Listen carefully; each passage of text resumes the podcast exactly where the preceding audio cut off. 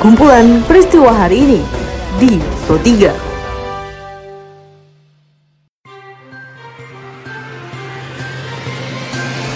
Halo pendengar, selamat berjumpa kembali di podcast Pro 3 RRI dengan kumpulan peristiwa apa saja yang terjadi pada hari ini. Di podcast kali ini, pendengar saya akan mengulas isu-isu aktual yang saat ini masih hangat juga ramai diperbincangkan di sekitar kita. Tentu saja pendengar nanti akan saya hadirkan cuplikan informasi dari reporter kami. Saya Tika Anantia, inilah kumpulan peristiwa Pro 3 di ruang dengar Anda.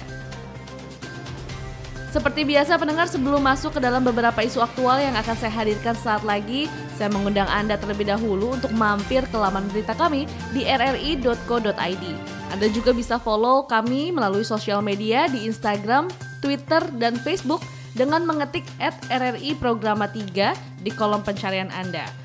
Di ulang tahun Jakarta yang sekarang, sebenarnya saya pengen tiga hal ya. Yang pertama, Jakarta jadi lebih sehat. Di Jakarta banyak hutan-hutan kecil, kita punya pantai, tapi uh, udara di sebagian tempat masih kadang panas, kadang adem gitu, nggak merata. Terus yang kedua, pengen Jakarta tetap dengan kemajuan teknologi yang sekarang, kalau bisa ditingkatkan lagi, tapi kearifan lokal dari budaya Jakarta itu sendiri gak hilang. Kayak ondel-ondel yang di jalanan itu jadi pengamen, itu kan tanda bahwa kok budaya sekarang jadi mengemis di jalanan begitu ya. Terus yang ketiga yang pasti orang-orang yang tinggal di Jakarta. Kadang kita mau menikmati fasilitas Jakarta, mau meraup, mengeksploitasi industrinya, tapi orang-orangnya belum tereduket untuk menciptakan Jakarta yang tetap baik dan tetap kondusif. Jadi selamat ulang tahun Jakarta ke-493, Jakarta tangguh, Jakarta luar biasa.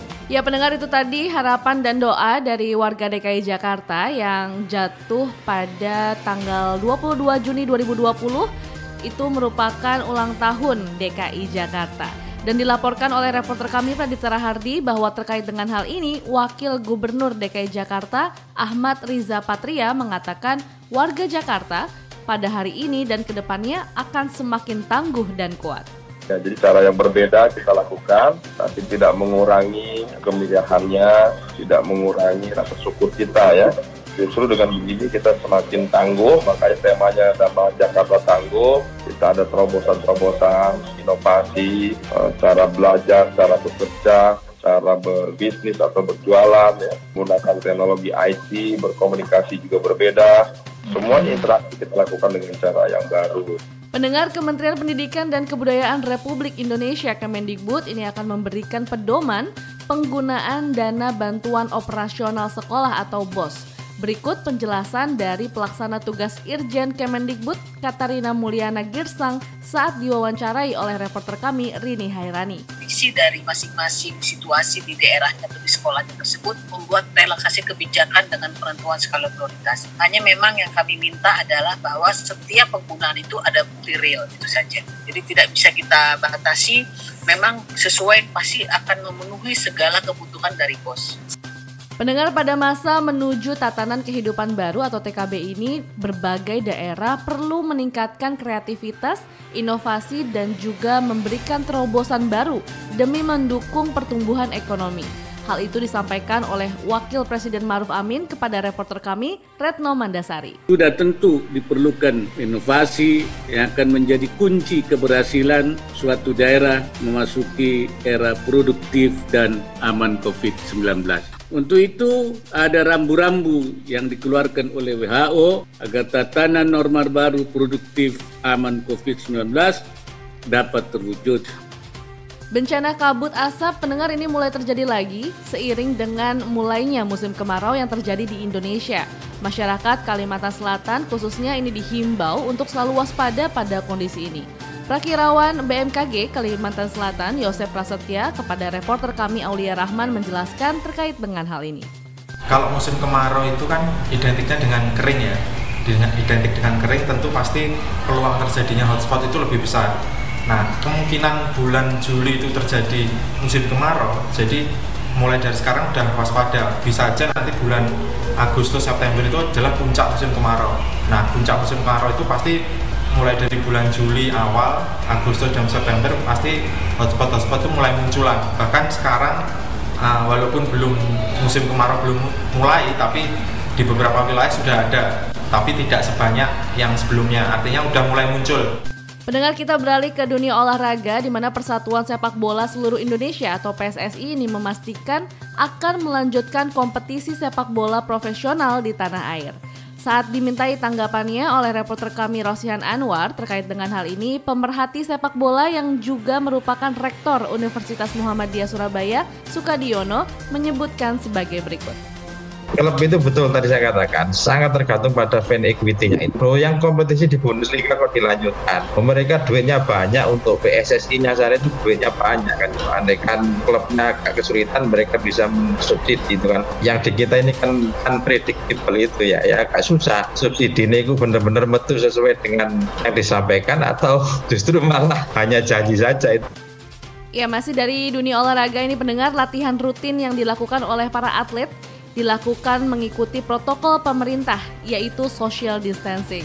Sekalipun pada cabang olahraga yang sering kali melakukan kontak fisik seperti bola basket.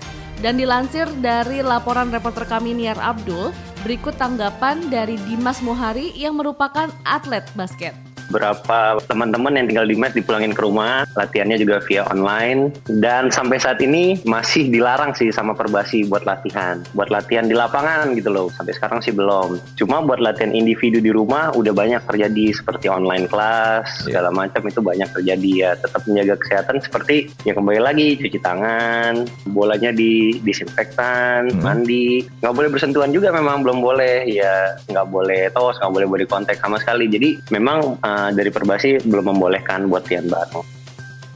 Dari informasi dalam negeri kita beralih ke informasi luar negeri ini pendengar di mana beberapa hari lagi Israel akan melakukan rencananya yaitu mengambil sepertiga kawasan di tepi barat milik Palestina. Dilansir dari laporan reporter kami Asmawati bahwa wali kota Efrat Odet Revivi mengatakan Israel harus bergerak cepat.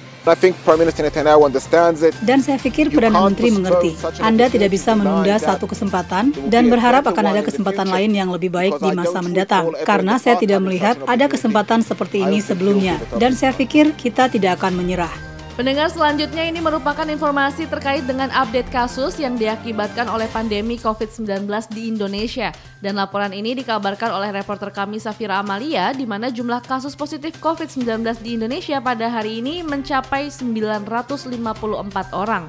Sehingga akumulasi kasus positif di Indonesia sudah mencapai 46.845 kasus. Berikut penjabaran lebih lengkapnya lagi dari juru bicara pemerintah terkait COVID-19, Ahmad Yuryanto. Dari hasil pemeriksaan itu kita dapatkan jumlah kasus positif sebanyak 954 orang sehingga totalnya menjadi 46.845 orang. Baiklah pendengar informasi tadi sekaligus mengakhiri perjumpaan kita pada podcast edisi hari ini. Dengarkan terus podcast edisi hari ini dan hari lainnya di Spotify dengan hanya mengetik Pro 3 RRI di kolom pencarian Anda. Baiklah pendengar, tetaplah menjaga jarak, ikuti protokol kesehatan dengan baik, dan teruslah mengikuti berita terupdate di Pro 3 RRI. Saya Tika Anantia beserta dengan tim editor podcast Karisma Rizky undur diri. Sampai jumpa jalanan ibu kota DKI Jakarta masih Kumpulan peristiwa hari ini di Pro 3.